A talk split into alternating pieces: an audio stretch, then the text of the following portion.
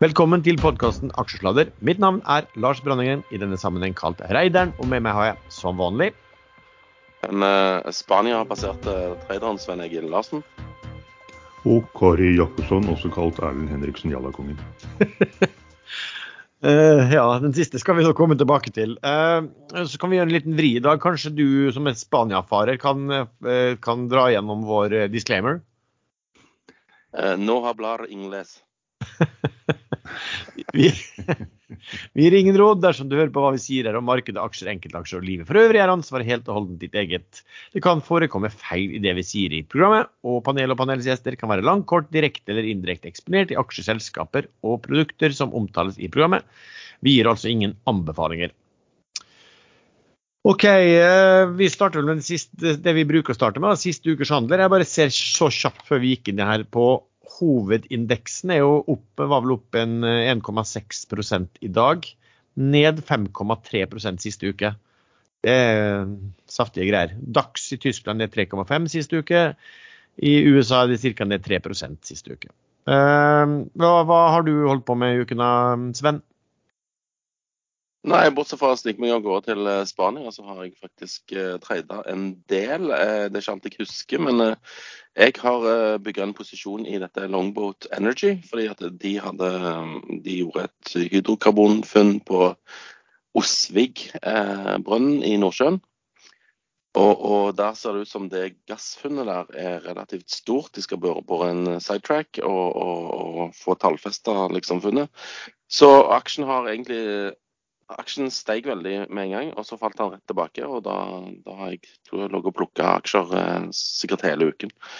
Eh, og så har jeg eh, trada og økt litt i denne her eh, Southern Energy i USA, en gassprodusent på land. Jeg har eh, økt litt i Petrotal, som er denne fantastiske Peru-greia, fordi begge aksjene der har falt tilbake. Jeg har trada alt unntatt laks. Eh, eh, som fikk seg en kjempesmell her eh, forleden på disse skatteforslagene. Men jeg satt og tenkte i går om, om det faktisk blir endra, så da er det kanskje muligens lurt å, å, å ta litt av lakseaksjer, eller denne Cloudberry som òg falt eh, pga. denne grunnrenteskatten. Eh, men det sagt så har jeg ja, gjort masse småtrades eh, ellers. Det er liksom de posisjonene som jeg har eh, økt litt i. Ja. Erlend, hva har du funnet på? Eh, jeg har faktisk gjort mye mer enn jeg trodde. Jeg trodde ikke jeg hadde gjort noen ting. Jeg, jeg har vært borte i Freyr i USA. Eh, det har egentlig gått greit. Onkopeptides mye inn og ut. Den gikk også relativt greit, tror jeg. Og så tapte jeg litt på denne Lumi-gruppen. Der har jeg hele tiden tenkt at den skal holde meg langt unna, fordi når omsetningen blir borte, så blir den borte. Og det ble den. Så jeg solgte med litt tap her i går. Og så har jeg tatt litt Flyr. Øh, som jeg egentlig selv er ganske sikker på skal kjøre en emisjon på kanskje helt ned på ti øre, for de trenger mye penger. Men det kom en eh, melding fra eh, chapter 11-domstolen i USA angående eh, SAS. Dvs. Si det kom ingen melding, men det kom en artikkel i Bloomberg som ble gjengitt i en dansk avis, at dommeren aksepterer ikke pilotavtalen. Og det er jo Han mener at den, den er for fordelaktig i forhold til andre kreditorer. Det er jo ganske kritisk, hvis det faktisk skulle velte hele lasset. For uh, å se for seg at SAS skal klare å reforhandle den pilotavtalen uh, med tre eller fire forskjellige fagforeninger, det kan jeg ikke tenke meg er mulig.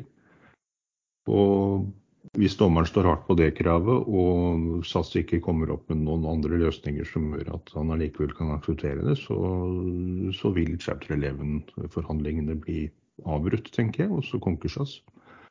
Og da er det jo et lite håp for at Flyr og Norwegian eh, og Norse alle tre kan gjøre noen kraftig hopp igjen. For alle tre har jo fått utrolig juling i de siste ukene. Så, men det er high risiko-bet. Trenden i Flyr var kraftig ned, og alle vet jo hvorfor. De bruker penger og tjener ikke nok, og får ikke nok uh, fylt opp flyene nok. Men uten SAS så vil jo ting endre seg. Ja, ellers noen ting? Nei. Uh, ja, for min del, nå ser jeg jeg skulle prøvd å gå inn og se på oversikt av hva jeg har gjort, men den Pareto-siden funka jo ikke på å vite hva, hva jeg tredd, så jeg får ta det på husken. Det skal gå bra. Uh, jo, jeg har kjøpt uh, Jeg har kastet meg inn i laks i dag. Jeg kjøpt en hel del Movie. Og så har jeg kjøpt to oljeselskap i uken. Panoro Energy og Africa Energy. Jeg har kjøpt tre, faktisk. Jeg har kjøpt også en god del uh, var. Jeg tror jeg hadde kjøpt noe, eller, eller var det på forrige fredag jeg kjøpte noe der. Um, og så har jeg kjøpt litt Cloudberry. og um, også økt litt i Hafnia. Um, ser jeg som har vært etter noen, noen sånne småting. Jeg tror jeg har solgt litt aksjer i Argeo solgte jeg vel litt i, for det, det kom litt sånn ja, det kom en liten, liten hausing der, eh, var vel i går eller var det i forgårs, som gjorde at jeg vippa ut noen, eh, noen aksjer der. Eh, sånn sett. Eh, men brukt stort sett uken da på å, eh, på kjøpe kjøpe. Eh, I, i, fremfor alt da, i i olje og, og, litt fisk. Jeg tror vi også har økt litt i denne, eh, den vi kaller rørleggeren, VSS eh, AB. Um, neste tema da, da, som vi bruker å er jo da hva som har skjedd av emisjoner og, og nedsalg og tilbud. Har du, hva har du registrert der, Sven? Ja, jeg har kun registrert en emisjon i Techstep, som ble closa i går. Eh, kurs 1.15 eh, eh, Den var veldig svak ganske lenge. Jeg drev og tradet den for noen uker siden. Den bare falt og falt fra 2 ned til rundt 1,50, og så ble den liggende der. Og så kom det en emisjon. For de har gjort noen oppkjøp som de ikke har helt betalt for. Og så skulle de strømlinjeforme selskapet og ting og tang. Det var Arctic og Sparebank1 som satte den emisjonen. De brukte to, to dager. Men uh, skulle hente mellom 75 og 125, og de klarte å hente 103. Så jeg kommer vel ikke helt i mål der, så jeg vil tro at ja, han kommer til å bli liggende rundt 1,15 en, en stund framover. Ja. Du, du, du, du, du, prøvde ikke å ta noe i den? Prøvde og prøvde, jeg hadde ikke lyst. Nei, nei. Så... det er jo det samme. Jeg, kunne, jeg, hadde jo fått full tildeling, hadde jeg, ja. Eh, hadde jeg eh, vil, ville, Men jeg, vil, jeg ville ikke. Nei, for den ble jo satt jeg, vet ikke egentlig hva det selskapet holder på med. Det er noen mobiltelefoniløsninger til bedrifter, tror jeg. Jeg er litt sånn usikker. Ja. Det var jo en sånn favoritt der som gikk sky high, og som har falt eh, kraftig. og som du sier, altså, Jeg registrerte jo at den hadde falt kraftig før emisjonen på kort tid. Og så, falt, og så ble da emisjonen gjort med ganske betydelig rabatt. Den også var vel over 20% i rabatten. Hva, jeg, det? Ja. Jo, han ligger 1,14 nå, da, så, de, så, det var ikke helt sånn super eh, superavkastning å være med på den. Kortsiktig i hvert fall. Men eh, tøft navn, da. Techstep. Minner meg om eh, det der Birdstep, for de som husker den. Ja, det var... De på med noen mobilgreier. Som ingen skjønte noen ting av, egentlig. Nei, nei, nei. Tøft navn. Mange trade, men ingen skjønte noen ting av det. Stort, stor framtids, eh, stort framtidshåp, men ingen skjønte hva det var for noe. Stepstone er jo også bra, men det var noe helt annet igjen. Ja, den var jeg med på IPO-en eh, og solgte på åpning. Så kan, det, var, det var fantastisk. Jeg dobla pengene. ja, En av dine bedre beslutninger, det. Den gikk vel ikke så bra med den etter hvert, for å si det sånn. De lever ennå, faktisk. Var... De lever ennå. Jeg har sett det navnet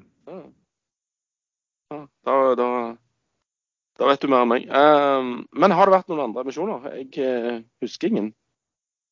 Ikke det jeg har fått med meg. og det kan nok sikkert, altså Når indeksen er ned 5 eh, på en uke, så er jo ikke akkurat det ehm, tidspunktet for å hente noe sånn særlig med penger heller. Jeg kan ikke huske noen, i hvert fall. Uh, skal vi ta og komme oss over da, til den store snakkisen for uken. Altså, det har blitt et veritabelt skattesjokk eh, for oppdrett, for vannkraft og for vindkraft. Men fremfor alt er det jo oppdrett da, som har fått, fått, eh, fokuset på deg. Sven, har du liksom oversikt over hva, hva, hva, er reglene her som, som kommer? Eller som foreslås fra regjeringen? Nei, det er leie av, av grunn. Altså grunn i, i denne sammenhengen er leie av vann, der du driver Eh, sjøbasert eh, oppdrett av laks, ørret og regnbueørret skal innlegges en, eh, grunn, grunn, hva det heter dette? grunnrenteskatt på 40% i tillegg til selskapsskatten på 22% som de har fra før, og noen andre avgifter. Og Det skal innføres fra 1.1.2023. Eh, forslag er sendt på høring, og folk skal liksom uttale seg om dette her. og hvis det blir vedtatt, så vil det jo slå veldig hardt inn på bunnlinjen for de store oppdrettsselskapene i Norge. Eh, det er et sånn bunnfradrag på jeg tror det var rundt 5000 tonn. Så de som produserer mer, nei, mindre enn det, de slipper unna den skatten. Eh, og det gjør visstnok de som òg produserer laks på land. For dette skal kun eh, ramme de som har, fått plass i, i vårt felles hav, eller vårt felles sjø. Ja. Uh, jeg så også altså en, en, sånn kjapp utredning da, er jo et selskap som har uh, all uh, virksomhet i oppdrett i Norge, og som tjener så og så mye. Hvis du eh, tidligere betalte 22% skatt, og så går du over til å betale 62% skatt, betyr egentlig at, at resultatet, altså inntjening per aksje, er redusert med 50 men, men, men, men, fordeler med noen avskrivninger umiddelbart ved investeringer. Så det er den andre siden. Ja, ja. Og det, det, er vel ikke sånn at reglene eh, er vel helt og holdent ikke lagt fram. Så det er vel en viss uklarheter om detaljer fortsatt, er ikke det så? Jo, men hvorfor kjøpte du lakseaksjer i dag, da? Um, nei, det kan jeg ta senere, kanskje på slutten. Aha, men ja, du fordi at eh, dette virker jo helt god natt, dette forslaget, egentlig. Ja, eller jeg kan, kan godt ta det bare sånn kjapt hvorfor jeg kjøpte, jeg kjøpte Det var for at jeg kjøpte Movi. Eh, altså jeg syns den har jeg kunne, har overreagert i forhold til de andre, fordi at de har så stor andel eh, av produksjonsvolumet sitt eh, utenlands. Eh, de, har det, de har 40% av produksjonsvolumet sitt utenlands. Eh, mens sånn som Eh, SalMar f.eks. har jo da 75 eller 80% innenlands og Grieg Seafood og sånn også. Og den har ikke falt altså Den har falt liksom i takt med de, så jeg syns kanskje den kan være litt overdrevet. Og så eh, er det sånn at altså, man kan se for seg at det kanskje kommer en del tilpasninger her, da. Vil jeg tippe på. Altså, du vet plutselig er det noe smutthull her. Eh, hvis du begynner å selge ut til andre selskap f.eks., som da ender opp med å eie 5000 eller under 5000 eh, produksjon tonn? Så, så, skal plutselig ikke de betale den type skatt. Så, så det kan nok være at det, det fins altså, The devil is in the details. Så plutselig er det eh, er det plutselig åpner det seg plutselig noen muligheter for, for smutthull både på den ene og den andre måten. Samt at du vet jo aldri at det kan bli så sterke protester at det blir eh, f.eks. redusert, da, det forslaget. Jeg tror det blir eh, endringer i forhold til det som er foreslått. Men jeg vet ikke hvilk, på hvilken måte. Men det virker jo bare, bare som regjeringen eller noen i eh, embetsverket der er veldig misunnelig på disse Witzøe og Jon Fredriksen og, og, den gjengen der som bare tjener masse penger på laks eh, hvert år. Det virker jo som en vendetta. Dette er jo noe som har vært diskutert innført lenge, og som også Høyre og de fleste partiene er jo for, men måten det gjøres på, 40% over natten eh, til 1.1.2023, istedenfor å ta dette trinnvis, eh, og kanskje et litt lavere sats enn 40 det, det er totalt ødeleggende for tilliten også utenlandske aksjonærer må ha til det norske aksjemarkedet. For det, for det, er jo sånn at det var et utvalg i, for noen år siden som foreslo akkurat den løsningen man kommer ned på nå. Og den fikk, den fikk ikke til, det Utvalgets da, forslag fikk ikke tilslutning blant eh, politikerne. Eh, og så kommer da regjeringen med, med denne her nå. Så er det spørsmålet om som, altså, misunnelse og hvordan man det, det, er mye du kan se. altså Litt sånn talende, så gikk jeg inn og så, så jeg på SalMar sine tall for eh, første halvår i år og også første halvår i år i fjor. Det er klart, altså, De har jo fått en enerett da, til bruk av områder av eh, staten. Og staten også, begrenser jo også konsesjoner. Sånn at du, du har jo en konkurransebegrensning. og SalMar i første halvår i år hadde altså eh, 43% driftsmargin. Og i fjor så hadde det vel over 30% driftsmargin. Altså, og hvis du sammenligner med, med altså de som virkelig skal tjene penger på, på ting, sånn som, sånn som, Google, altså digitale, som nesten ikke har kostnader når de selger mer. Google hadde til sammenligning 30 driftsmargin. Så, så altså, lakseoppdrett som har eh, eh, mye høyere margin, margin enn en, en Google, ikke sant? det sier jo bare at du har på en måte, syns jeg i hvert fall, at du har fått en rettighet nesten til å trykke penger. Så, så at den beskatningen og at, at, det har vært gitt en helt enorm gavepakke, eh, det syns jeg. Men så er det jo spørsmålet liksom, når skal det innføres og, eh, og hvor mye. Uh, og det ser veldig brutalt ut. Det, det gjør det. Men at jeg synes sånn Man må jo ha med at den gavepakken har de jo faktisk jobbet veldig dyktig. De har vært veldig dyktige de som har klart å utnytte den gavepakken. Før, før de første selskapene tjente penger, så var det jo en mengde som gikk konkurs. Ja, ja, absolutt. Det var jo privat investert kapital, og ingen som hjalp dem etterpå. Så så det skal lønne seg å ta høy risiko. Eh, men ja, de får en fordel eh, via konsesjoner eh, som nå er et modent marked, og de tar enorme gevinster. Så greit med høyere beskatning, men aldri så mye over natten. Det som er veldig pussig, er at Senterpartiet og Arbeiderpartiet, som ikke har flertall, men det har de sammen med SV, at de, går ut med noe sånn før de har sikret seg støtten til SV. Det har de ikke. SV har gått ut og sagt at de skal se på dette. Jo, men SV er vel eh, glad for å få beskatt store selskap? Og, og jo, men Hvorfor lage all den usikkerheten i markedet? Hvorfor ikke komme med en ferdigpakke som de har flertall for, når de først skal gjøre noe så dumt? Aksjekursene raste jo med 30 eh, i snitt eh, på disse store selskapene. Ja, det var jo et rent krakk når den kom. Eh, når, det var vel i, var det i forgårs. Og den andre skandalen blir jo nå hvis de da må gå tilbake på dette, og SV sier nei. Da, da, da er det ekstremt dårlig politisk håndverk. Ja, og, og det som er sånn politisk, når du tenker politikere, er at den gangen det ble satt i gang et utvalg på dette her, da kunne jo markedsaktørene og de som investerte i aksjer, da, da, da visste jo de at det var eh, at det fantes en risiko. Og det var jo da altså at utvalg hadde jo også et forslag. Men klart når det blir nedstemt, så, så føler du deg mer komfortabel. ikke sant, med at og så, og så, kommer det kanskje, og så kommer det ganske brått på igjen. da. Selv om jeg så at det var liksom det var signaler på at det der var i gang. altså Det var vel en sånn konsesjonstildeling som ble utsatt. Og så, sto, og ble skrevet at det hadde kommet liksom lederartikler i, i, VG om det var Dagens Næringsliv også som liksom snakket om nå måtte man inn, får innføre det. Som, som man mente liksom var at det var en viss lekkasje her da, på at dette skulle, dette skulle skje. Ja, Der var det nok mye logisk tenking òg, når de innkaller til pressekonferanse og varsler om eh, at det vil bli børssensitivt. Da begynner jo alle aktørene i markedet tenker ut hva kan dette være. Ja. Det ble jo skrevet en del på det på Ekstrainvestor når den meldingen kom. For den kom jo i børstiden at de skulle ha en pressekonferanse i morgen eller dagen etterpå da, som ville være børssensitiv. Så var det jo mange som tenkte på laks.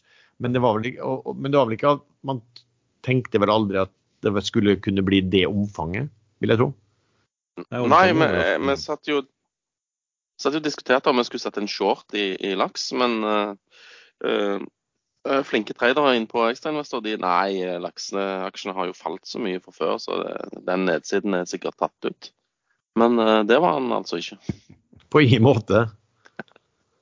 Så det, det var litt sur. Burde jo jeg, jeg, jeg, det, det kommer jo alltid masse ting etterpå. da Det var jo debatten i går. Og Der står da Vedum og klarer å lire av seg at alternativet til denne skatten, det hadde vært å gi ca. 7000 kroner, 7000-8000 kroner tror jeg han sa, til alle nordmenn over 16 år.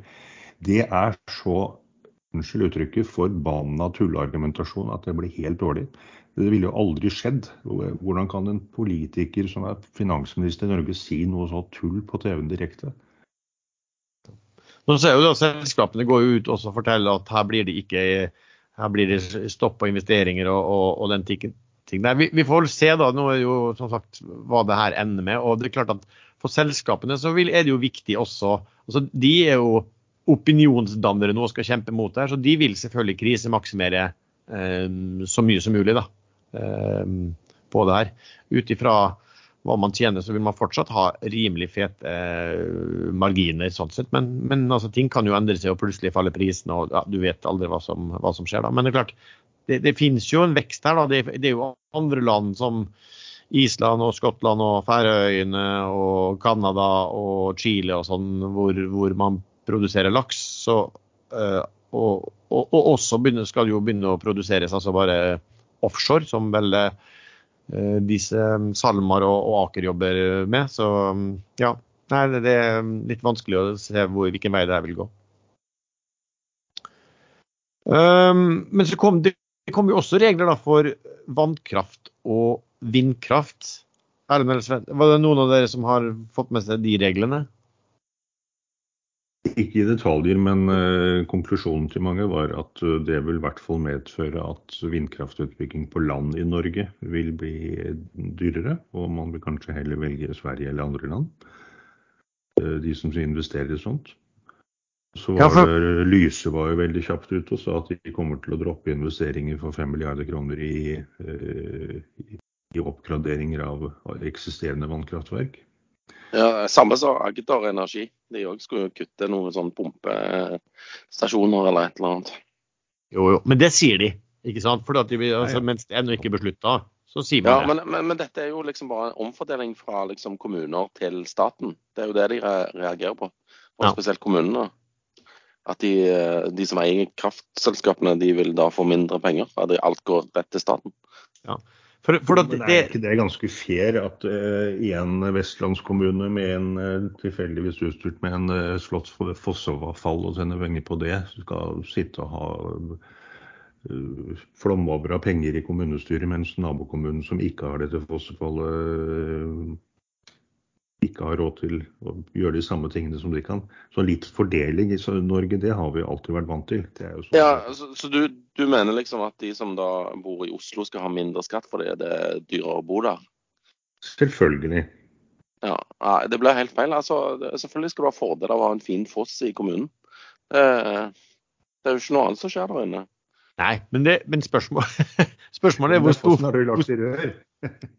Spørsmålet er hvor stor den, stor den, fordelen skal være, da. Ja, den skal være stor.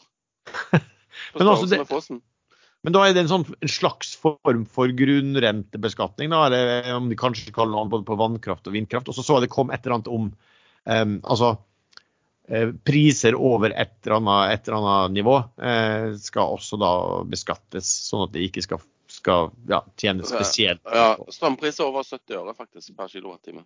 Ja. Da blir det ekstra. Der, der, ligger vi nå, for å si det sånn. ja. uh, men av de børsnoterte der, så det vel, var det vel Cloudberry da, som fremfor alt uh, uh, fikk, fikk en smell på det.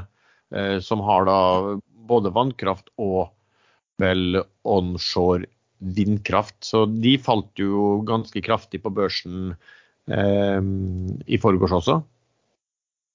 Ja, flaks at de klarte å hente inn eh, masse penger i en emisjon på 1550 her for noen dager siden. Ja, de gjorde det. Eh, for det var jo Det var flaks. Ja. Det var vel Var ikke det forrige torsdag, da? Vi snakka vel om det. Jeg, jeg, var med på den. Jeg tapte ti år, eller hva det var for noe. Eh, helt greit. Godt vi ja. ikke satt med den nå, for å si det sånn. Nei, et, Noen få dager etterpå så, så, så datt den altså 17,5% på én dag. Så, og de har vel meldt at, at, de anslår at dette vil redusere verdiene i selskapet med sånn ca. 3 kroner per aksje. Det vel, var vel det de, de børsmeldte. Ellers er vel sånn også Bonheur har vel litt også onshore, vel, i, i Norge, men eh, jeg tror det utgjør vel, utgjorde veldig lite. Eh, Arendal Fosse Kompani eh, er vel en som også fikk en eller annen eh, smell der, uten at jeg har sett hvor mye det utgjorde også. Men de falt vel også eh, på børsen da samme dag. Arendals Fosskompani, det høres så gammelt ut. Det høres forferdelig ut. Men eh, jeg må korrigere deg litt. Det var egentlig min feil. Du sa at jeg ønsker at vi som bor i Oslo skal få mer penger, men jeg har jo flyttet fra Oslo. Jeg bor nå i Asker. Og der har jo skattepolitikken til eh, myndighetene skremt bort Røkke, som eh, som bodde rett et par steinkast unna der hvor jeg bor nå. Og da mangler Asker kommune 172 millioner kroner i skatteinntekter fra han i årene framover. Så eh, Oslo driter jeg litt i. Det er Asker som må få disse pengene fra, fra grunnrenteskatten på vannfallene bort på Vestlandet. Neste flyttesteg for deg blir da Lugano, er det det du prøver å si? Lugano, det er Angola, er det ikke det? Lugano i Sveits. Ja, det, det, det, stemmer det. Det er, det Røkke flytta dette. Ja, stemmer. Ja, nei, de der, jeg har vært i Sveits før. Jeg var der på sent 80-tallet eh, og leverte slalåmskiene mine til prepping, for de hadde jo stått litt tørt en stund. Og det kosta over 1000 kroner å preppe skiene den gangen. Og den gangen var det ikke så mye dyrere å kjøpe nye ski, så da, da fikk jeg nok av Sveits. Det var god drikke der, da. Masse snaps og øl. Så dyr, dyr, prepping har gjort at du holder deg unna, liksom? Ja, man får det. Det er sånn barndomstraume. Du har egentlig aldri henta de i kino, er det det du prøver å si? De er fortsatt i Sveits? Nei, de ble brukt i bakken. Jeg var okay. ganske flink en gang i tiden.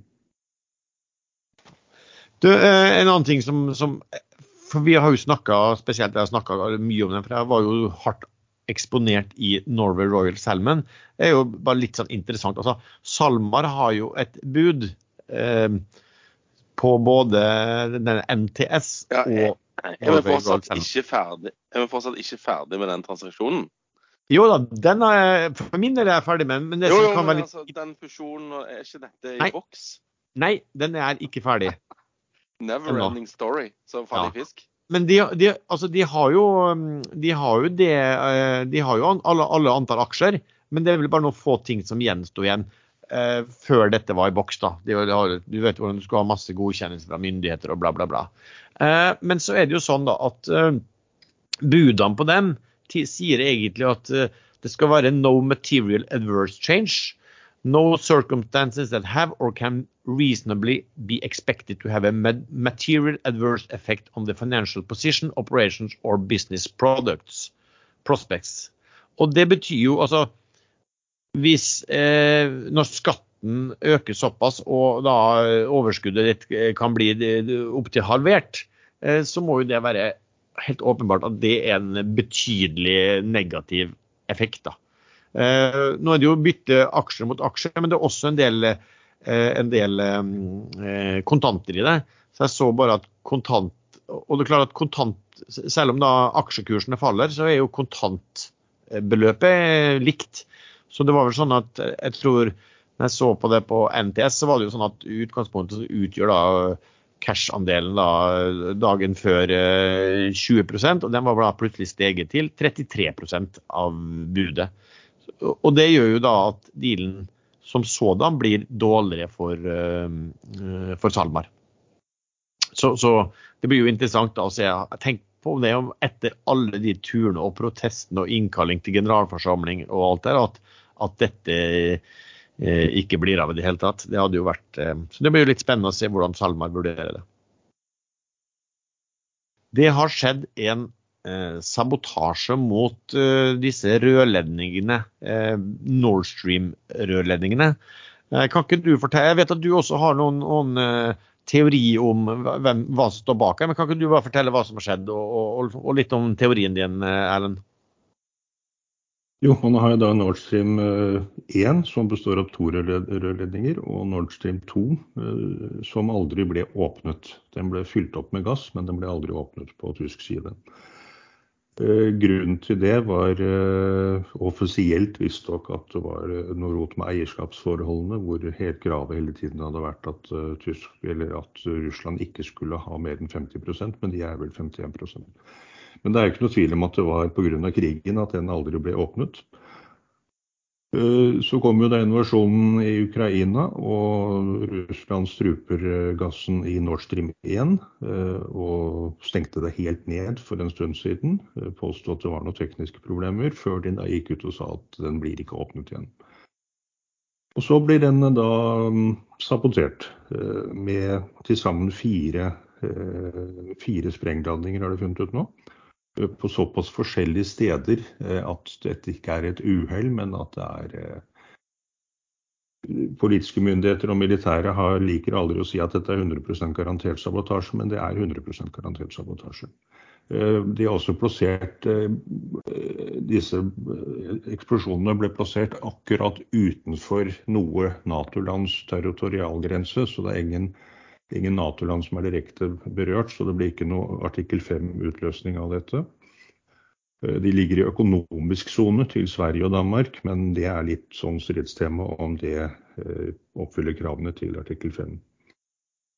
Men eh, da dette skjedde, da satte jeg meg kjapt ned og tenkte gjennom hva kan ha skjedd.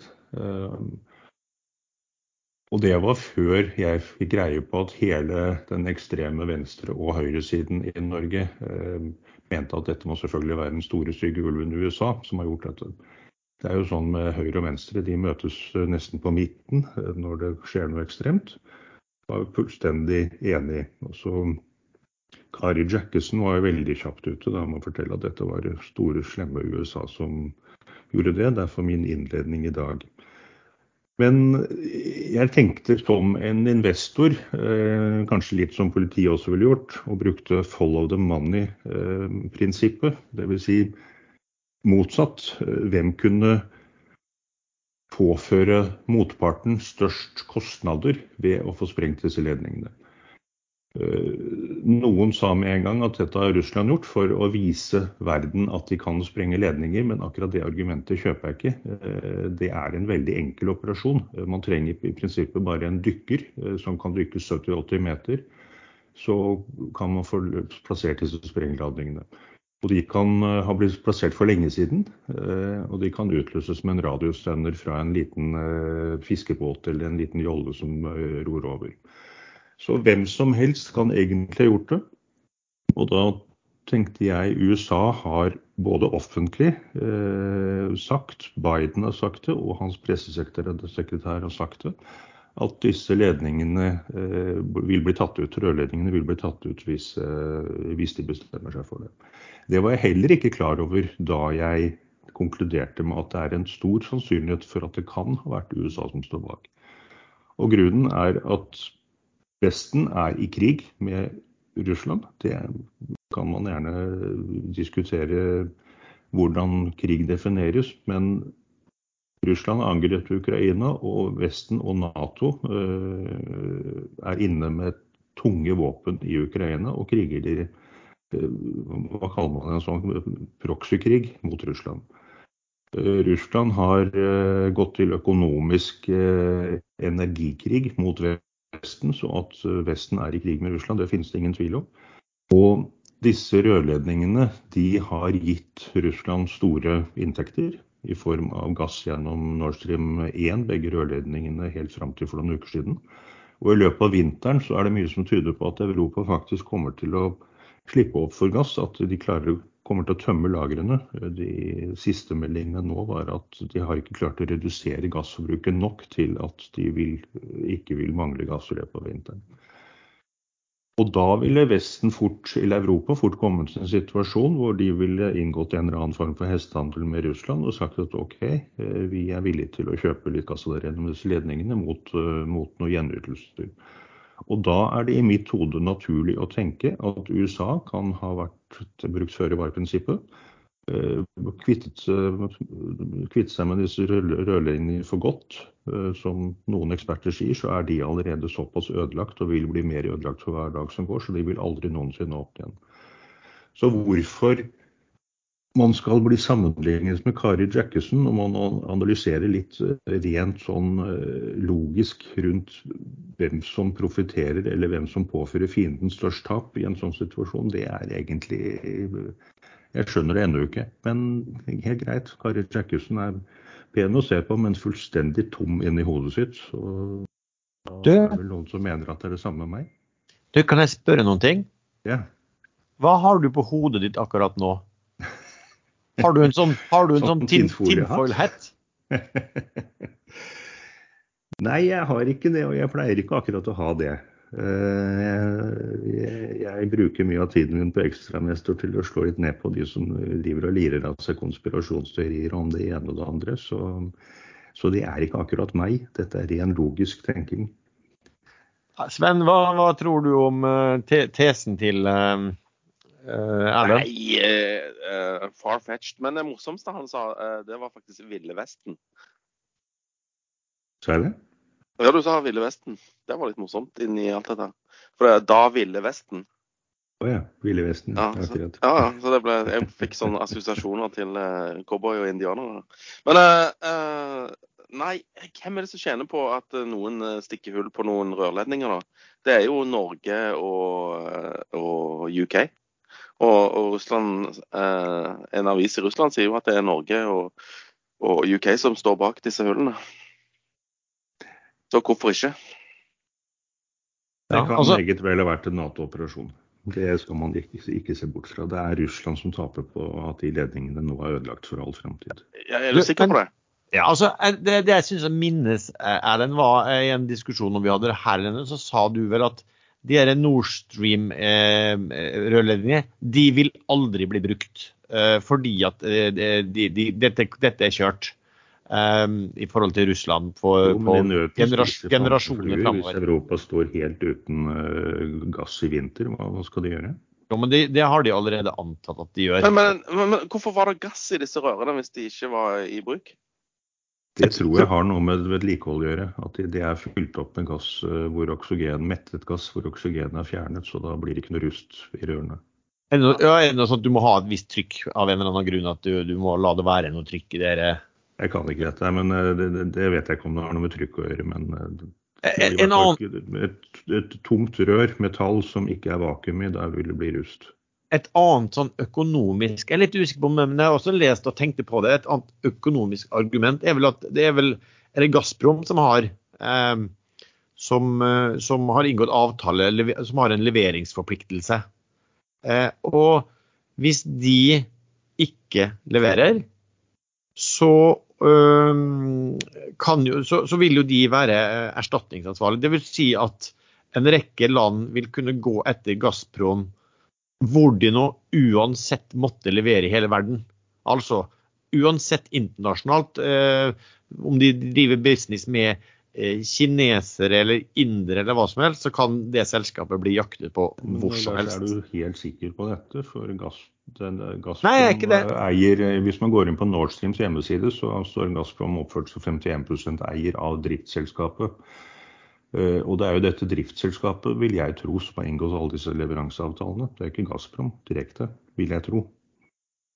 Uh, Nja, det, det er ikke så godt å si. Det, det er jo de som er produsenter. Men altså, jeg bare så at den sto der, og det slo meg som det kunne være et, eh, en naturlig sak for å si at, at her har de faktisk ikke hatt mulighet til å levere de forpliktelsene, fordi at dette røret var, var ødelagt. Og så skal man ikke se bort ifra at Altså, Russerne er jo så pressa, som du sier, at, at det å vise evne til å gjøre dette her, kan, det krever kanskje ikke så mye. Men å vise vilje til å gjøre noe, det er noe helt annet. Og, og det, er klart, det er jo helt åpenbart at russerne er superpressa. Eh, og Putin skal vel involvere disse her, eh, innlemme disse her utbryter, eh, hva hva man måtte kalle det, slåsstedene inn i Russland nå. Det er vel faktisk i dag han har tenkt å gjøre det. Eh, og da vil de jo hevde etter hvert Nå vil de jo starte å hevde og si at nå er det Nato som bidrar til direkte angrep på Russland, og ikke Ja, det skjer jo Ukraina. automatisk, for eh, Ukraina har jo allerede gjenobro- gjenerobret deler av disse territoriene som Russland nå innlemmer i dag. Så da er det Ukraina de facto i krig med Russland på Russlands territorium, i henhold til, til Russlands tolkning av dette. Men det er jo ingen andre som er enig i Russland i at, eh, at dette er gyldig. Men jeg vil bare presisere at jeg har aldri sagt at det er USA som har gjort det. Jeg har sagt at det er en mulighet for det. Det kan også være Russland, det kan også være andre. Um, men eh, kanskje mer interessant, da. Hva, hva følger får dette her da for hva skal vi si, norske aksjemarkedet og, og, og Nordsjøen og som sådan? Har du tenkt noe på det? Han sovna. Satan. Det ble så mye politikk her at det er godt gjort. Um, nei eh, det må, Altså, vi må passe litt bedre på rørledningene våre, tror jeg er, er fasit. At ikke det, noe stikker hull på de òg. Men, ehm, 8000 km med rørledninger. Ja. men eh, hvor mye av det ligger i internasjonalt farvann? For det, det, de kommer jo ikke til å ta noe som ligger inne på eh, norsk område, vil jeg tippe. Sånn at eh, det er vel de som ligger i internasjonalt farvann som da er, er, utsatt for sabotasje. Men der kan det jo også allerede for um, opptil mange år siden ha blitt plassert sprengladninger. Eh, det er ja, det rundt i Nordsjøen ja. så ja, men Det fyker jo masse droner og dritt eh, rundt plattformer både på norsk og, og dansk sokkel for tiden. Så jeg lurer på Jeg, jeg vet sønnen min slutte med den leken der. Nei, men altså, Det der er jo, det er jo litt alvorlig, men altså, hva, hva, hva hvis noe sånt skulle skjedd? da? Tilsvarende skulle skjedd på en eh, rørledning eh, fra, fra Norge til kontinentet. Det var vel litt sånn artig på, nett, artig på nettet som, som uh, der, det, der, det, var snakk om at de, de mente at uh, russerne hadde vært så drita at de hadde fått beskjed om å ta den rørledningen noe som, som nå vel nettopp ble igangsatt fra Norge som gikk til Polen. og som gikk like i nærheten. og at de, de, de, var så fulle at de tok feil ledning, men det er jo noe så. nei, men også, hva Nei, nå, nå, nå kom det melding om at Jonas Gahr Støre inviterer til pressekonferanse klokken 17 fredag i forbindelse med situasjonen rundt gasslekkasjen i Østersjøen. Så han kommer sikkert med fasit der. Det, det var jo stor suksess forrige gang de hadde pressekonferanse. We did it, sier han da. ja. Nei, men her, her, er det jo åpenbart at altså, de må jo komme med et eh, De må vel komme med hvordan har de tenkt å eh, beskytte ute, og, og hva ja, gjør de? Er det så lurt å si for åpen mikrofon nå? Nei, det kan du jo si, men uh... Der var det en uh, professor borte på Vestlandet et sted som uh, sitter i en eller annen forsvarskomité som sa at Norge har i mange år vært altfor åpne med hva som er gjort på forskjellige plattformer, hvor hva er og osv. Og, så og det må vi slutte med. Men bare sånn igjen, da. Hvis noe mot formodning, hvis noe skulle skje, på en slik rørledning, hva, hva ville du da kjøpt, Sven, og hva ville du da solgt? Nei, det dette, kom, dette, kom, litt for brått på. Ja, men, det er sikkert, nei, men det er sikkert noen som har begynt å posisjonere seg nei, jeg, litt på det? Jeg, jeg, jeg ville jo kjøpt eh, gassprodusenter eh, andre steder. F.eks. i USA. Mm. Og kanskje også, jeg så også det har gått veldig godt dette LNG-skipene. Ja, Fordi, ratene der er jo gått i, helt i, i, taket. Ja, og hvis plutselig, jeg vet ikke om det, det er jo ikke, er ikke så lett, for de gassen skal vel, gå vel inn til mottakssentraler og ut i rør. Det er ikke bare å få sendt det ut på, eh, på skip i stedet sånn over natta. Jeg har ikke peiling hvordan det vil, vil fungere heller, men eh, ja. Men eh, det er andre gass. Jeg har lest en analyse at det kommer såpass mange nye LNG-båter til neste år at det vil bli overskudd og ratene vil falle. Men eh, det tok ikke mer enn en uke det før, før det kom andre analytikere og sa at det stemmer ikke. Nei, og det har jeg så også det hadde noen ting, det du nevnte, og det har også noen ting med Eh, hvor lang distanse de båtene kjører, og hvor fort de kjører, og hvor de, lenge de ligger til disse her, eh, på havnene hvor det fortsatt er litt sånn, ja, tar, tar litt, tar ja, litt tid. Det, det, det, er jo ikke, det er jo ikke sånn LNG-infrastruktur i Europa, har jeg forstått. Uh, så det må jo først bygges for at uh, det skal være aktuelt å ta imot sånne LNG-laster her, her, borte. Jo, men det er jo allerede Det første ble påstartet uh, forrige uke i Tyskland. Jo, jo, men det er ikke gjort på et kvarter. Det er, det er ferdig i desember. Det er ferdig i desember. Først, ja, det går utrolig fort. Jeg var veldig overrasket. Og de skal bygge totalt fem, og alle skal være ferdig før neste vinter. Da trekker jeg tilbake eh, det utsagnet mitt. Vi klipper det bort! Jeg er overrasket selv. Jeg trodde det tok mange år. Men dette er en sånn kombinasjon hvor de har eh, mindre anlegg på land og må laste om de store LNG-skipene litt ut i sjøen og inn til land med mindre, med mindre båter. Og det går fort. Og det er ganske det er sånn, stor kapasitet. Mellom 5, mellom 5 og 8 milliarder kubikkmeter i året per anlegg. Og det, det vil si at sånn, det nesten erstatter Nord Stream 1. Det, det, det, uh, husker dere denne IM Skaugen? De hadde jo sånn småskala LNG-greier så de skulle laste om fra større ja, båter. Så de var litt forut for sin tid. De var for tidlig ute, ja. Hvordan går det med milliardene du skulle tjene på de båndene du kjøpte der? Nei, milliardene, ja. Uh, nei, det er ankesak. Uh, Han, jo, han skulle bli beramma nå i september. Jeg vet ikke når han kom opp. Ting tar tid. Skal vi hoppe fra drama da, rundt rørledninger og gassleveranse, så jo, har det jo også vært eh, makromessig, i hvert fall for ett land, så har det vært rimelig dramatisk eh, uke. Sven, uh, vet du hva jeg henviser til da? Du henviser til at det har vært landslagspause i Premier League, uh, og da gikk det til helvete med UK i mellomtiden. nei, det er uro. etter brexit så har jo ting gått skikkelig bra for, for den der øya ute i Nordsjøen. Det har vært press på pundet. Pundet er vel på eh, sitt laveste mot dollar på en god stund, eh, og mot andre valuta. Og så har det vært trøbbel i um, Altså, de, de, har fått merke disse senskadene etter korona med at uh, ja, inflasjon skyhøy som resten av Europa. Uh, ja, ting går ikke så veldig bra der borte. Og dronningen døde, og alt, eh, alt går galt for UK. Og det var pensjonsfond eh, som var i trøbbel, og det kunne blitt et sånn Lehman moment eh, der borte. Men eh, Bank of England eh, trådte støttende til og kjøpte obligasjon, altså, eh, britiske obligasjoner for å ja, hjelpe markedet og hjelpe pundet. For, for Bank of England skulle starte med quantitative tightening nå. De skulle starte med det motsatte. Ja, ja ja. nei, men det, det funker ikke når ting går til helvete. Da må vi trykke penger igjen.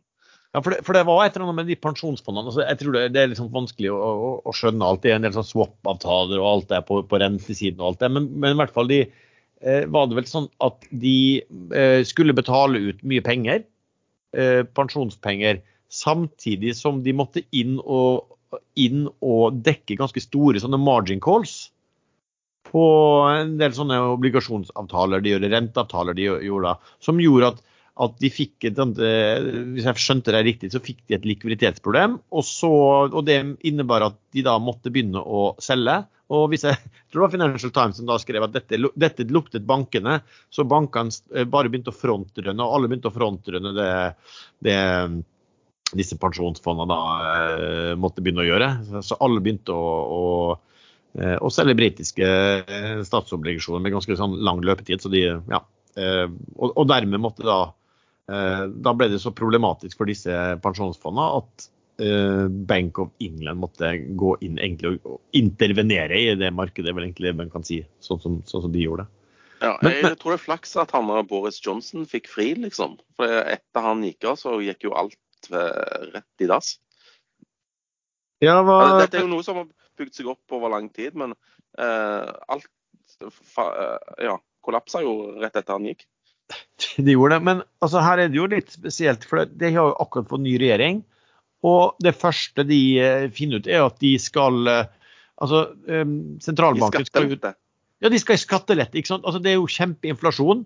Men så finner de ut at de skal gjøre en stor skattelette som de også må kombinere med å ta opp nye lån.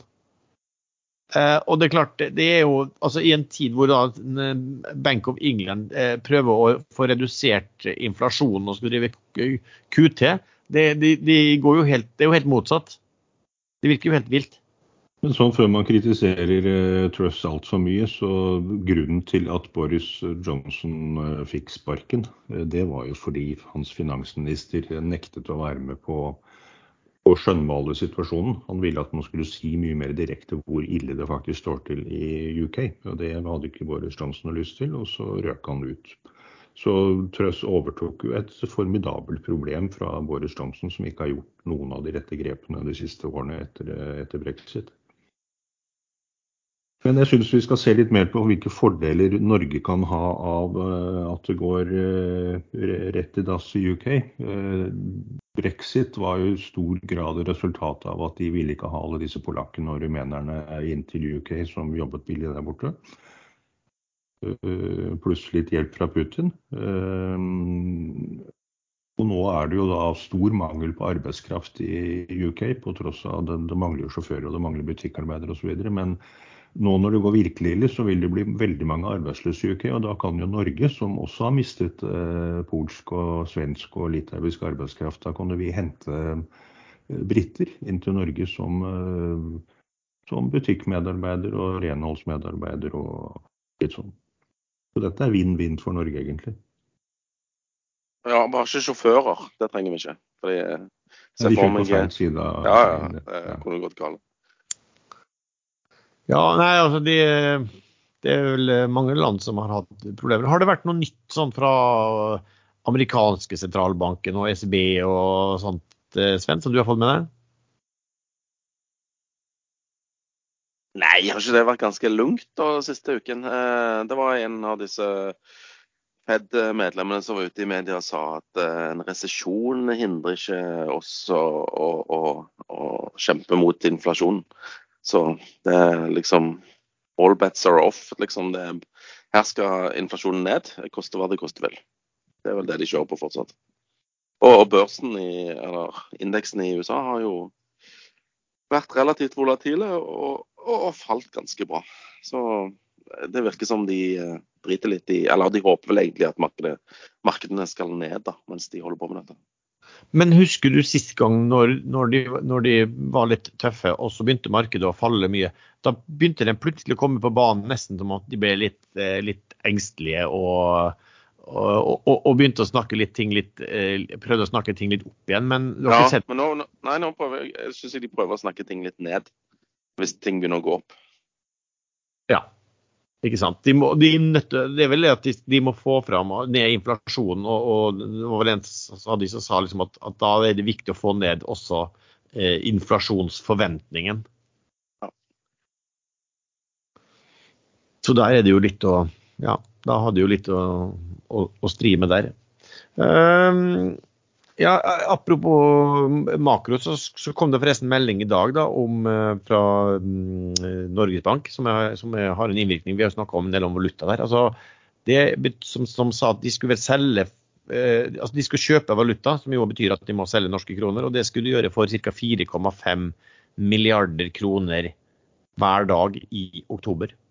Så jeg så også Nordea da komme og sa at eh, og Der har vi litt med tror det har litt med sånn skatteinnganger og litt med overførsel til eh, utenlandsfond og liksom der å gjøre også, som, som, de må gjøre. Så Nordea kom og sa at dette var vel noe som ville legge press nedover, kanskje på, på kronekursen eh, framover også. Ja, jeg ser her at dollaren er jo 10,78. Snart 11 kroner. Det er snart like dyrt som pundet. Den var faktisk over 11 kroner en dag. Eh, Toucha så vidt en veldig kort periode en ja. av de dagene i uken. Lars, nå tror jeg dette laksebrettet ditt eh, går litt i dass her. Nå så hadde akkurat SalMar eh, ny lodd. Ja, men, men, du hørte hva jeg sa jeg hadde kjøpt? Ja, movie, jeg har kjøpt Movie. Jeg, jeg, jeg like movie, movie. Ja. Du må huske på at i dag er det også siste dag eh, i kvartalet handelsdag i kvartalet. Det, betyr er, at det er snart vinter. Ja, det er det også. Eh, men det betyr vel også at en del fort kan holde på å bruke litt tid på å rydde i porteføljen. Og det var, har vært snakk om at hvis utlendingene er forbanna nok på den norske, her, så, de, så, bruker de tiden og har brukt noen dager nå på å pælme ut uh, norsk oppdrettsaksjer. Uh, så det kan jo, hvis noen er irriterte nok, så kan det være at de har lyst til å være ute i løpet av dagen um, som sådan. Ser jo unektelig sånn ut på SalMar akkurat nå. Ja, og det betyr ja, og det betyr kanskje at da på slutten av dagen kan være en interessant måte å kjøpe på, men, men også ofte er det jo Dette er veldig nyttig informasjon for våre lyttere som da eh, får høre dette her tidligst i morgen. Ja, nei, men jeg skulle, det jeg skulle bare fortsette med, det er at ofte, oftest er det man snakker om det, men at, at det fungerer ikke sånn at de pælmer alt ut på to dager. liksom. De, de, finner at de kanskje vil gå ut, men at de bare fortsetter å selge uh, noen ting. Uh, det kom akkurat en melding om SalMar. SalMar trekker kjøp av produksjonstillatelse av laks etter skatteforslag.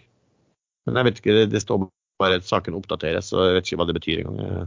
Fordelen med å snakke om det nå er at de som hører på oss i løpet av helgen, de vet av mandag morgen hva som treffer dem midt i hodet hva som traff dem midt i hodet.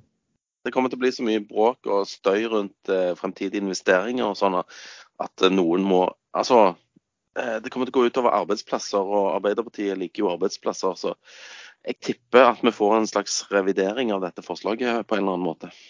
Da skal du kjøpe eh, men da, ja, Jeg skal kjøpe i closen. Når, eh, jeg ser jo at Movi òg faller tilbake. Han var, når vi begynte sendingen var den opp 3,5% nå er den opp 1,95% Så tipper dette skal selges eh, fram mot close, og så tar vi litt eh, laks da, kanskje. Ja, enig. Tror det kan være, kan være interessant. Men igjen, da, det er ikke sikkert at det blir endret. For de, de kommer til å hyle og skrike og gjøre sitt aller meste nå. Det er jo ikke sikkert at det, det de sier, blir eh, Eh, blir av. Så vi, vi får bare se. En trappetrinnsløsning hadde vært mye bedre for alle. 10% i år i tre eller fire år. Sven, eh, husker jo for eh, nå er det jo en del måneder siden da du hoppa herja som en villmann i disse SAS-selskapene som Viking Venture eh, eh, eide. Og de solgte vel alle utenom ett til, eh, ut av ja, men nå kom jo det bud på det Det var vel det siste de eide kanskje på børsen? House yes. of Control. Nei, nei, House of Cards. Ja. Stikker hook og OC. Jo, hvis man vil kjøpe dritten for 11,20 eh, kroner per aksje. Tidligere forslag for noen måneder siden var at Viking Venture 7, som da eh, var største aksjonær i, eh, i Hook, de eh, skulle dele ut de aksjene de eide til eh, til sine ja, eiere i dette Viking Venture 7-fondet, sånn at de kunne gjøre med de, hva de ville. Men de har jo vært i en slags sånn eh, strategisk prosess lenge, og de klarte å få lurt noen på kroken, i dette tilfellet Visma, som da punge ut 11,2 kroner. Eh, gikk vel på børs til rundt det dobbelte, så det har jo ikke vært en, en fin reise for de som tok i IPO-en. Men eh, fin reise for de som kjøpte aksjer på 5-6 kroner. De fikk eh, dobla pengene sine. Så den kom, men, eh, og jeg husker vi satt og venta og venta. Og, ventet, uh, og så kom meldingen melding nei, de hadde ikke klart å, å lande en transaksjon. Da. Men så har de jobba på overtid, og så klarte de det likevel. Ser du noen flere sånne den type eh, selskap som, som det... Nei, var ikke dette det siste sånn? Det, det er tydelig at sånn SAAS, altså ikke SAS, men SAS-selskaper er veldig populære for tiden. Eller, men det var vel bare et SAS-selskap som disse Viking Venture-eide? ja, ja, de, de digger sånn SAS-greier, de. Ja. Men de andre SAS-selskapene på børsen, de, de, har det ikke vært like stor interesse for. Nei, er det noen flere? Ja, service. Ja, ja. Eh, software as a service. Ja. Altså, altså abonnement, abonnement på, på, software. Og det er noe helsike strid, fordi at eh, eh jeg har, jo sånn Microsoft Office, det har jeg alltid brukt, liksom. Men du kan jo ikke kjøpe bare sånn eh, CD lenger og så stikke inn. Du må jo abonnere på, på det greiene der òg. du syns det er tungvint? Nei, det er mye dyrere enn å bare eh, kjøpe en sånn CD, og bare, så har du den for life. Jeg, den, jeg kjøpte en ny PC i fjor på kontoret. Jeg tror det var i fjor. Eh, og den hadde, jo, den hadde ikke sånn CD-rom, altså sånn CD-stasjon. Og, og jeg hadde jo eh, Office 7, altså Microsoft Office 7. Jeg vet ikke hvor vi er henne nå, men vi er langt uh, over 7. da. Men jeg klarte å, å låne en uh, ekstern CD-drive og få installert Microsoft Office 7 på den uh, helt nye PC-en. Nå tror jeg det er mange som kommer til å bli litt sjokkert over det. Jeg har en Mac i bærbar fra 2014 her, og den har heller ikke CD-bær. Nei, men den, den gamle PC-en min var fra 2009, tror jeg. Så det var vel Han begynte å gå litt treigt eh, enkelte ganger. Ble det slitsomt å sitte og sveive den i gang? Nei, han begynte å Ja. Jeg, jeg skjønte at jeg, at jeg, måtte gjøre noe. Jeg tror jeg hadde oppgradert rammen på den, men allikevel, det, det, det, det, sveiv eh, seint etter hvert. Ja. Men du har vel da mm, nei, Software as a Service, du har jo en del andre selskaper også. Du har jo Meltwater, da, som har meldt at de Meltwater No, no, har meldt? Ja, de har meldt at noen har foreslått en eller annen transaksjon til dem. Ja, um, altså Disse driver jo overvåker nettet om uh, hva folk sier og skriver om forskjellige merkenavn, og så selger de den informasjonen. Uh, det høres jo egentlig litt sånn uh, Det er sikkert stor business, men det, det, høres ikke ut som sånn kjempeidé, liksom. Kahoot er jo software service, Karasent, Pexi brenner som det. Min Uh, Volue Ja, Mintra. Mintra, er ikke den solgt? Er gjerne ikke solgt. Ja, nei, men, men, det var vel en ganske stor transaksjon mellom Det kom en ny eier inn der. Uh, den derre Patient Sky. Oh, Eller er- pasient- en- Eller Pasient Sky. Ja, den, de eh, har er en, vel- en sånn SAS-del. Men eh, Ja. de har òg en annen del som ikke er så veldig sexy, har jeg forstått. Og så har du regna jeg tror det er Sikri Holding har Smartcraft, som er et bra selskap. De Men, men det det jo- virker som det er bare Viking Venture, eh, selskap som blir kjøpt. Fordi at eh, der har de en eier da som aktivt eh, leter etter kjøpere. Ikke sant. Og om de da selger, selger selskapet til halvparten av IPO-en, så gjør de ikke det som Ja, mye. fordi at deres inngangspris er jo sikkert en Ja, ja. tiendedel av IPO-en, vet du. det, det er akkurat det. Så da kan du, kan du være glad og fornøyd med, med, med, med dealen likevel, selv om det kanskje ikke ble så bra som, som, du, um, som du hadde trodd. da. Kina, der eh, begynner det å gå mot den berømmelige kongressen. Erlend, har du fått med deg liksom, tiltakene som nå Kina eh, skal sette i gang for, å, for, å, for at han skal ha det hyggeligst mulig, han eh, formann Xi, når han blir eh, valgt til hva er det, Jeg husker ikke hvor mange nye år han skal ha på toppen. Fem nye år. Men da er han i prinsippet eh, diktator på livstid etter det valget. Blir tredje perioden. Men eh, de har bl.a.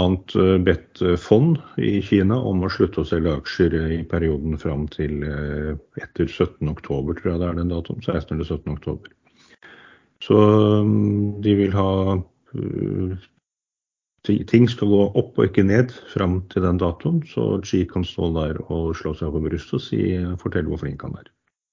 Og så skulle de vel også da eh, selge dollar og kjøpe den Hva heter den valutaen deres igjen? Yuan? Rimni eller noe sånt, er det ikke det? Jeg husker ikke hva den dollaren det var den het engang. Men det i hvert fall, den har svekka seg såpass mye da, mot dollaren, så de, de, han ville vel at den skulle styrkes litt også. Derfor skulle de også, em, skulle de også selge dollar. da. Så um, det er mye. Eh, er det noe annet dere har lyst å eh, prate om, eller skal vi komme oss over på hva som er favorittene for uken som kommer? Bra. Eh, Få høre da, Sven. Hva, har du noe i sikte? Jeg sneik meg akkurat en tur inn på toalettet, og da hadde jeg noe i sikte. Men uh, uh, Det var ikke så store greiene. Jeg måtte bare treffe oppi. Uh, så det gikk fint. Uh, nei, eh, jeg syns det er sjokkerende at dere ikke vet hva valutaen i Kina heter. Det er yuan eller reminibi. Vi var, nesten nest, inn, innenlandsk eller utenlandsk. vi var nære. Vi var veldig nære. Kinesiske lire, var det du sa? Kinesiske flire, ja. Ja, nei, um, jo, jeg må trekke fram eh, Longboat Energy, notert i UK, med tikker LBE. De har uh, funnet gass på noe som heter Osvig. Um, de skal gjøre et sidesteg, uh, så resultatene kommer om noen uker. Um, de har Når det gjelder volum, så har de kun sagt at uh, den ene Altså i noe som heter Tarbert-formasjonen, altså som er sånn det er jo noe, geologisk tull. De, de, de liksom navngir forskjellige eh, levels i det de holder på å bore.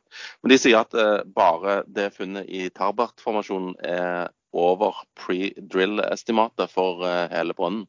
Og så har de funnet eh, karbo, karbohydrater, hydrokarboner, eh, i, i forskjellige nivå. Så jeg er litt spent på eh, volumanslaget der, så jeg har kjøpt meg opp. Um, Aksjen står nå i 39 eh, sånne hva heter, hva heter valutaen i England, eh, gutta? Pound sterling. Nei, pence heter det. Det står i 39 pence da, per aksje. Um, han var oppe i 49 etter de annonserte disse her foreløpige resultatene. Han falt litt tilbake, og da har jeg kjøpt. Og jeg håper på jackpot. For det eh, Vesten trenger nå, det er mer eh, gass. Dette ligger forresten i eh, i nærheten av eh, Oseberg og Tune. Så det blir en eh, tieback dertil hvis det er kommersielt. Så noe jeg kommer på. Ellers så Nei, det kommer til å bli trading. Småtrading eh, framover. Eh, eneste aksjen jeg er glad i for øyeblikket eh, i Norge, det er disse Q-Fri. Melder støtt og stadig om nye kontrakter, og jeg tror det blir en fin story til slutt. Aksjen ligger støkk på seks blank, og, og, og, det er fint. Han faller ikke, og han stiger ikke. Men uh, det er jo masse turbulens i markedet, så jeg, jeg er komfortabel med det. Ja. Du er fortsatt, eh, fortsatt, var på markedet, altså nå, hva, hva, du gjør der. Du, du, du, føler ikke for å begynne å gå noen, ta noen særlig langposisjoner ennå? Nei, jeg føler ikke vi har fått denne siste flushen uh, som setter en bunn. Men uh, det er jo lov å håpe at det skjer noe i oktober. Erlend, hva tenker du på? Jeg kommer nok til å holde fly over helgen, sånn just in case uh, det skjer noe nytt med SAS. Men det var snakk om et nytt møte der først 25.10, så det kan ta litt tid før det kommer noen avklaring. Men jeg ser jo på disse aksjeaksjene, men jeg tar ikke noe i dag. Uh, og, hvis, hvis en eventuelt krakk i, USA SMP ligger ikke så veldig langt over det laveste den har ligget siden november. Uh, positive futter akkurat nå, men kommer det plutselig et nytt krakk, så tror jeg at lakseaksjene kan dra veldig langt ned også fra det de har falt nå, hvis hele markedet faller. Så jeg er generelt veldig forsiktig. Seadrill eh, følger jeg med på, men det er ikke noe omsetning. Eh, så godt som ingenting. Den ligger og vaker eh, godt under 250, fremdeles over 200. Jeg håper den faller under. Det er ganske artig aksje å trade den der Sidrel, fordi han er veldig volatil i løpet av dagen. Jo, men det er ikke store pengene du kan putte inn og ut i den, da. Nei, nei, men småpenger, små, småpenger er penger, det òg. Ja, noen sier det. Nei, det er jo selvfølgelig det. Eh, så har jeg fulgt med på en search, for der har eh, Middelborg Eh, skal man være forsiktig med å fortelle hva andre har blitt, men mye tyder på at han har blitt tvangssolgt, for der gikk det veldig mye ut veldig fort. Men han er nå helt tom, og kursen faller tilbake til til der han måtte selge seg ned til. Eh, fordi det er rett og slett ikke kjøpere i markedet i sånne små aksjer som ikke har inntekter. Så håpet er jo at InSearch eh, Micro Power Battery vil få inntekter, men det får de neppe før i 2023, hvis de får det. Eh, så sånt avventer man med. Ja, Nei, Det er hovedsakelig de aksjene jeg ser på nå. Jeg er litt irritert fordi jeg ikke eh, var kjapt ute og tok uh, Doff i dag tidlig da de kom med først én melding og en melding til senere. Den var opp, er den opp 23% den var opp over 30 på store, det som ser ut som store kontrakter, men det er veldig lite informasjon, og de har fremdeles et uavklart uh, restruktureringscase gående. Så man kan bli tatt litt på bakbeina i den plutselig, så jeg holder meg litt unna. Når du sier bli, ta bli tatt på bakbeina, hva mener du egentlig da? Det kommer an på hvilken setting vi snakker om. Eh, men dette er jo en podkast som veldig mange lytter og hører på, så da må vi forholde oss til aksjemarkedet. Ja, det kan jo komme en uh, melding uh, Jeg har jo sagt det før. Nei, jeg, jeg bare tenkte på uttrykket 'bli tatt på bakbeina'. Jeg har aldri hørt det uttrykket. Nei, det er kanskje en kombinasjon av litt forskjellig. Ja, ok. Nytt, men uttrykk Noen må jo finne på det. Nei, Jeg vet ikke om det er positivt eller negativt å bli tatt på bakbeina. Hokke i hatten, f.eks. Kommer hvem som tar det på bakbeina, egentlig? Ja. Hvis Erlend tar deg på bakbeina, så er det sikkert negativt. det tror jeg gjelder de fleste, ja. Ble, ble du borte nå, Erlend? Nei, jeg vurderte å mute Jeg prøvde å mute Sveen. Han prøvde å ta seg på bakbeina. Ja. Han klødde seg i tinfoil-hatten sin, og så prøvde han å ta seg på bakbeina. Klødde seg i hodet og fikk flis i fingeren. Bare vent.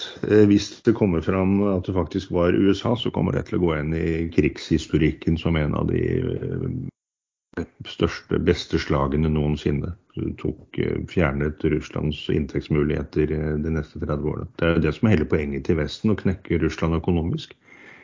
Det hadde ikke vært noe problem å levere nok våpen til å få avsluttet den krigen her i løpet av tre-fire uker, men de vil ikke. De gjør litt, litt og litt om gangen, og så knuser de Russlands økonomi.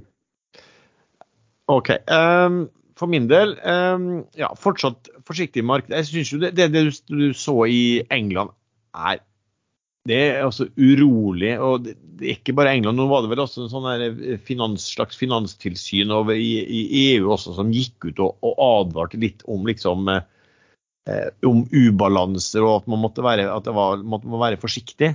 Um, og, og, dette her er jo fordi at disse både politikere har vært håpløse og sentralbanksjefer har vært håpløse. Uh, og sitter der plutselig og, og begynner å få, få liksom mangel på krutt når de kanskje virkelig kan komme til å, uh, å trenge det. Pluss at dette med Russland altså Når de innlemmer noen ting uh, i altså Det de har sagt da, som, som, er veldig uvennlig, det er jo hvis Nato leverer våpen til Ukraina som gjør at Ukraina da kan, kan angripe mål i, inne i Russland. Og nå kommer det jo til helgen til å definere disse her områdene som hvor de slåss i, som en del av Russland. Så jeg regner med at de kommer sikkert til å komme med noen atomtrusler og andre ting også, som fort kan, kan være, gjøre at vi blir ganske skvetne. Men altså over til aksjer. da, så ja, eh, Movi den, eh, den eh, kjøper jeg har kjøpt i dag og kommer sikkert til å kjøpe mer i, i dag også. Ligger, ligger jo i pluss sånn sett på den. I tilfelle kommer både at utlendinger har solgt seg ut, og at det kan komme, kan komme noen rekyl, og kanskje det kan komme noen uttalelser som tyder på at visse modifiseringer, og at, og at, det finnes detaljer som kanskje kan være litt bedre. Men samtidig, og det fine med den er i så fall at den er såpass likvid at, uh, at uh, vil jeg utdanne, så kommer jeg meg veldig fort ut av den uh, sånn sett. og det, det, er litt greit. Og, og jeg kommer jo ikke til å sitte i den med noe nevneverdig tap før den, før den forsvinner ut. For, fordi at det er egentlig bare en det er jo ikke noen, jo ikke noen conviction på, uh, på, verdier, egentlig. Uh, det er bare en, en, en, en, en, en rekyltrade på det. Uh, ellers to som er kjøpt, da, som jeg nevnte, det er jo oljeselskapene Panoro Energy og Africa Energy. Og det er fordi at det er en letebrønn som egentlig internasjonalt har vært fremhevet som en av de mest spennende hele året, som heter Gazania, som skal bores nå utenfor uh, Sør-Afrika. Historisk, da, og i hvert fall for Africa Energy, så har det vært sånn at uh, de har fått en ganske fine oppganger i kursen rett før spødd og rett etter spødd. Uh, og den er litt utsatt. Er, altså Spødd betyr at, du, du, selve, at du, du, starter boringen. da. Jeg var i kontakt med han som er toppsjef i Africa Energy, som heter Gareth Sodden, som også sitter i styret faktisk i Panoro, på onsdag. Eh, og da skrev han jo at de, de hadde forventa spødd i løpet av slutten av september, men eh, riggen har blitt forsinket a few days pga. vær og logistikk. da. Og Da var den altså på onsdag i Namibia og var på vei mot den sørafrikanske grensen. Um, Sparebank1 du hadde jo en sånn oversikt på det, og de anslo at hvis dette her ble en kommersiell suksess, så kunne aksjekursen i Africa Energy gå 80% altså teoretisk i hvert fall, og Panoro 45 Det, det er altså en, en brønn som har en, en, et potensial på, på, 300 millioner fat olje, og ligger i en sånn basseng hvor det er gjort veldig store funn i det siste. Um, og, og, ifølge da Gareth så er chance of success eh, satt opp på 60 Eh, og det er fordi at han sier de driller up dip fra en eksisterende oil discovery fra 1988.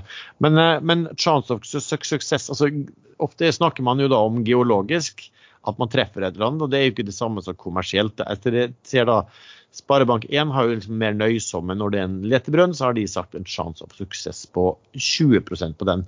Men uh, her blir det, for min del så blir det vel egentlig en, et kjøp av um, den pga. Uh, um, historikken. At det generelt sett har brukt å gå opp, i hvert fall for Africa Energy uh, i den perioden der. Så er det også sånn at Afric Energy holder jo på med en avtale om gassalg. De har jo gjort allerede store funn eh, sammen med Total utenfor Sør-Afrika. og Der holder de på å framforhandle en gassalgsavtale med eh, myndighetene der. Og Det Gareth sier er jo at eh, fokuset for Africa Energy det er eh, focus is to monetize, not develop. Sånn at når de får en sånn avtale, så kan det godt være at de selger seg ut av den uh, biten der. Panoro er jo litt av det da involvert i det samme, og der kom det også en sånn uh, ja, en analyse. Jeg vet ikke om de initierte eller om de, de initierte vel DNB helt nylig nå og hadde kursmål 41 på den. Um, så, så, det blir interessant å se. Jeg kan ikke tenke meg at jeg sitter sitter og eier noe sånt over sannhetens øyeblikk. altså det vil si Når boreresultatene kommer, jeg tror det tar noen tre uker eller sånt, kanskje fire uker før, før, du får i hvert fall de første resultatene foreløpig. Det, det vil si at du har ingen personer på riggen som du kjenner? Eh, nei, eh, det er riktig. Men kanskje Nei, du har? Du ja, nei, jeg har dessverre ikke det. Men er ikke det en sånn Oddfjell-rigg som skulle ned der? Ja, eller var det ikke den? Eller var det den derre Iceland et eller annet sånn uh, Iceland Innovator? Ja, jeg lurer på om det var de som skulle ned nå. Det var ikke den samme riggen som var sist Nei, gang. for det var en sånn uh, Deep Sea Stavanger, tror jeg. Som Ja. var Oddfjell. Men uh, Ja. OK. Ja, nei, det er Island Innovator som sikkert skal ned. Nei, kjenner ingen der, dessverre. Nei. Vi må bare skaffe oss noen, noen kontakter der. Men Det er alltid lurt å ha Dette høres høres ut som personer noe sånn økokrimat jeg driver og prater om nå her. hva da? Ja ja. Det er jo mange som er blitt okay. dømt for dette her, eh, at de har kjent folk på riggen og fått informasjon den veien. ja. De er vel blitt ganske strenge, forstår jeg, forstått, gjennom en del år nå, på, på de som jobber på rigg også. Ja, og fikk Prosafe uh, forlengelse i UK. Det renner inn med sånne kontrakter på diverse offshore-greier. Bare sånn kort du var innom krigen her. Så nå har uh, Rygge flyplass blitt stengt ned for siviltrafikk. Det skal kun brukes som militære i seks uker. Og det er også observert jagerfly som kretser over oljeplattformer ute i Nordsjøen. Så nå tar eh, Norge sikkerheten på alvor. Ja, og det har de nok blitt bedt om av EU også, og virkelig, for det er jo altså, vitalt for EU i, i vinter er jo å få gass fra, leverert fra, fra Norge. Men man må nok regne med at de har nok gjort mye mer i det skjulte ut som ikke vi vet om, veldig lenge. Jeg vil jo, jeg vil jo faktisk tro det. For det, det har jo vært kjent altså det, Dette må jo ha vært Hvis det skulle bli en sånn full krig, så, så dessverre så, er, så må jo den gassrørledninga til kontinentet være et, et veldig, veldig eh, interessant mål. Um, ja, jeg skulle bare nevne ellers at Hafnia eier fortsatt. Uh, ser bra ut. En, en konkurrent kom med tallrapport i, i går, og det, så det ser veldig bra ut i, i det markedet der. Og så er det litt sånn som vi, når vi snakker om at kanskje man skal se seg litt på gasselskap eh, i utlandet også, når eh, bare sånn better safe than sorry. Det kan være kanskje mange investorer som, som, som tenker det samme, i hvert fall. OK, er det noe mer eh, dere har lyst å mm, fortelle om før vi tar helgen? Nei, nå eh, begynte han eh, vaktmesteren her nede å rope at han måtte komme opp eh, om to minutter og sjekke noe med alarmen min. Så jeg vet ikke helt hva han holder på med. Ja, pass deg, Sven. Det er, det er den nye skattleggingen av, av rike spanjoler med over tre mil i formue, så de kommer og tar, tar alt. nå. Det blir kartlagt, er det du prøver å si? Ja. Det blir vel mer beslaglagt, tenker jeg. Ja, jeg, jeg vet ikke. Jeg, eh, jeg skyldte på at jeg spilte inn podkast, så jeg kunne ikke komme. Du får snakke, du får snakke bare norsk til han og si eh, no, no No comprendo til. Ja. Ja. Nå har bladet ingles. OK, eh, med det så takker jeg til deg som har lyttet til denne episoden. Du treffer stadig oftere chattene inne på eh, Ekstrainvestor sin eh, chatforum. Vi har også en egen gruppe på Facebook som heter podkasten Aksjesladder. Musikken er som vanlig laget av sjazz.com, og vi høres. Tusen. Hvor smart er det å fortelle en spanjol som kommer på kontroll på spansk, at du ikke snakker engelsk? Eh, nå har bladet espanjol, er vel det jeg skulle si. Men eh, OK. Uh, nei, eh, jeg vet da faen. Jeg kan uh, står der nede. Nei, jeg må nesten legge på røret. Så hvis dere ikke hører noe mer, så vet dere hvem som gjorde det. Ja, og at du har lagt på røret. Ja.